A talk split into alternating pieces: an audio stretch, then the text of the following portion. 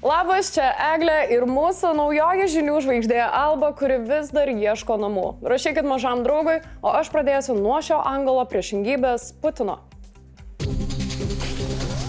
Masinė šachedų ataka drumsta ramybę keliose Ukrainos rytise, o Harkivos ryčiai vėl smogta raketomis S-300. Vienas žmogus žuvo, du sužeisti. Dar fiksuojamas ir padidėjęs okupantų aktyvumas visoje fronto linijoje. Tikėtina, kad artimiausiu metu kaupintis pajėgas agresoriai vėl pajudės kolonomis. Tik Ukrainos žvalgyba ramina. Rusai neturi reikiamų operatyvinių rezervų vienu metu vykdyti polimą daugiau nei viena kryptimi. Nors Rusija norinčių mirti Ukrainoje per mėnesį surinka apie 30 tūkstančių, juos naudoja nuostoliams kompensuoti ir rezervo pulkams formuoti. Todėl nuolatiniai orkų utilizacijai svarbi parama ir ginkluotės tikimas, kuris toliau stringa. Dėl susitarimų net Europos parlamente kilo kipišas, tiksliau dėl 10 milijardų atrakintų Vengrijai siekiant pelnyti Orbano pritarimą Ukrainos klausimu. Parlamentarai tai pavadino didžiausiu istorijoje kyšiu ir apkaltino Ursula von der Leyen pasidavus šantažui. Dėl paramos kovoja ir Bidenas, kuris pakvietė kongreso lyderius į dėrybas. Jis perspėjo respublikonus, kad karinės pagalbos blokavimas kelia grėsmę laisvajam pasauliui.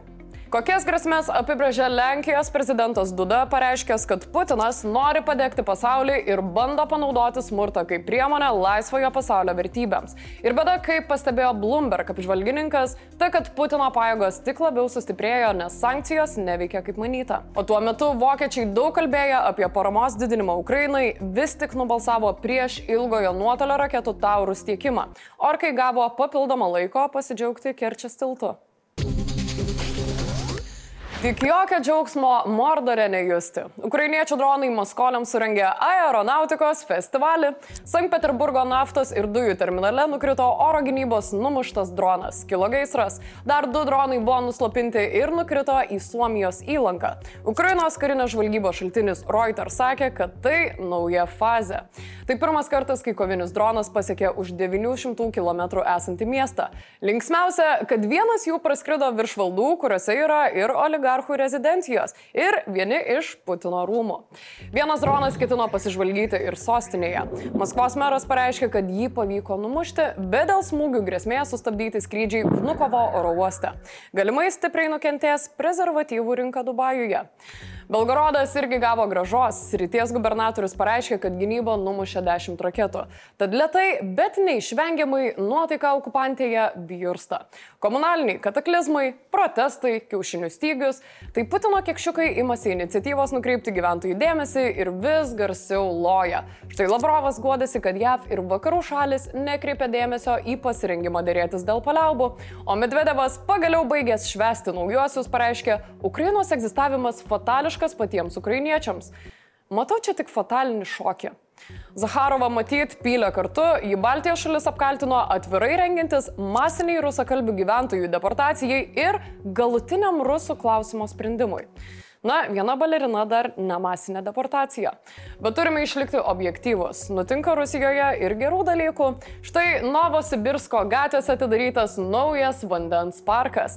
Tiesa, dėl jo šildymo neteko apie pusę milijono gyventojų. Bet laukia tik minus 28, tai nieko čia baisaus.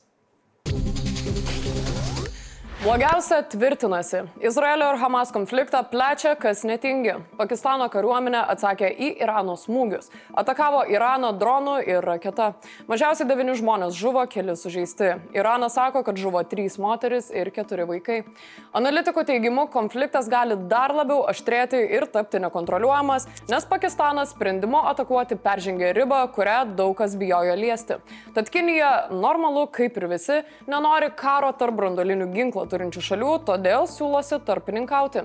Gal tarpininkavimo net neprireiks, nes vienas Turkijos pareigūnas sako, kad nei Iranas, nei Pakistanas nenori eskaluoti įtampos regione. Lyg to nebūtų gana, Izraelis jau atvirai kalba, kad šalies įsitraukimas į karą Libane su Hezbollah tampa vis realesnis. Tuolab, kad Hezbollah pranešė, jog visiškai atmeta JAV pasiūlymus sustabdyti ugnį Izraelio pasienyje. Tiesa, jie atviri diplomatiniams konflikto sprendimo būdams. O Hamas toliau puola Izraelio pajėgas šiaurinėme gazos ruože surinktos penkios atakos. Al-Aksos kankinių brigados į karius šaudė iš granatsvaidžių ir automatų. Izraelio kariai iš oro atakavo gazos miesto pietvakarius. Čia jie rado didelį kiekį teroristų ginklų. Dar Izraelio kariuomenė susprogdino paskutinį likusį sveiką universiteto ruožę. Palestiniečių teigimu jis priklausė verslininkams ir nebuvo susijęs su teroristais. Naujus smūgius sudavė ir JAV su Didžiaja Britanija hučių objektams keturiose Jemeno vietose. Tai jau ketvirta sąjungininkų ataka. Tuo tarpu hučiai vakar tikslų smūgį raketomis sudavė JAV birių krovinių laivui. Irano remiami hučių sukilėliai taikosi į komercinius laivus Raudonojoje jūroje ir reikalauja, kad Izraelis užbaigtų karą su Hamas. Blitz naujienos. Akmenės rajono savivaldybės meras socialdemokratas Vitalijus Mitrofanovas gražino į biudžetą 1400 eurų panaudotų savivaldybės tarybos nario išmokų, skelbė 15 min. Jis nenori, kad kiltų tam tikrų abejonių. Estija pranešė nepratesusi Maskvos patriarchato stačiatikių bažnyčios Estijoje vadovo leidimo gyventi šalyje ir pavadino šį Rusijos pilietį grėsmę saugumui. Dabartinis jo leidimas gyventi galioja iki vasario 6 dienos. Keletą metų iš eilės mažėjęs žuvusiųjų eismo įvykiuose skaičius pernai išaugo 30 procentų, tačiau iki pandeminio laikotarpio nepasiekė. Pernai žuvo 160 žmonių, trečdalis tamsiuoju paros metu. Prokuratūra informavo pradėjusi dar vieną tyrimą prieš mergaitės pagrobimų Kaune įtariamą vyrą, aiškinantis, ar nebuvo vykdomas seksualinio pobūdžio nusikalstama veika prieš vaikus. Tyrimas pradėtas po pasirodžiusių pranešimų apie tai, kad galimai gydytojų apsimetantis asmo siūlė 2-5 amžiaus vaikų gydimą nuo autizmo prisilietimais. Kaip LRT radijoje pasakojo autistiškus vaikus auginančių tėvų bendruomenės narė, jis vaikus ruošiasi gydyti garaže.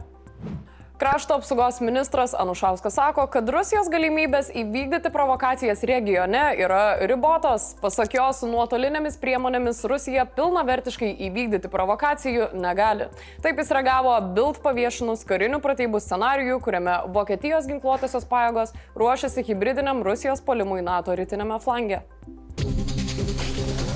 Taip visiškai random sumaščiau padaryti astrologinį tyrimą ir noriu pažiūrėti, kokio zodieko ženklo žiūrovų mes turime daugiausiai. Tai komentuokite savo zodieko ženklą. O vakar gaminau vakarienę ir nesitikėjau, kad būsiu užfiksuota kameru.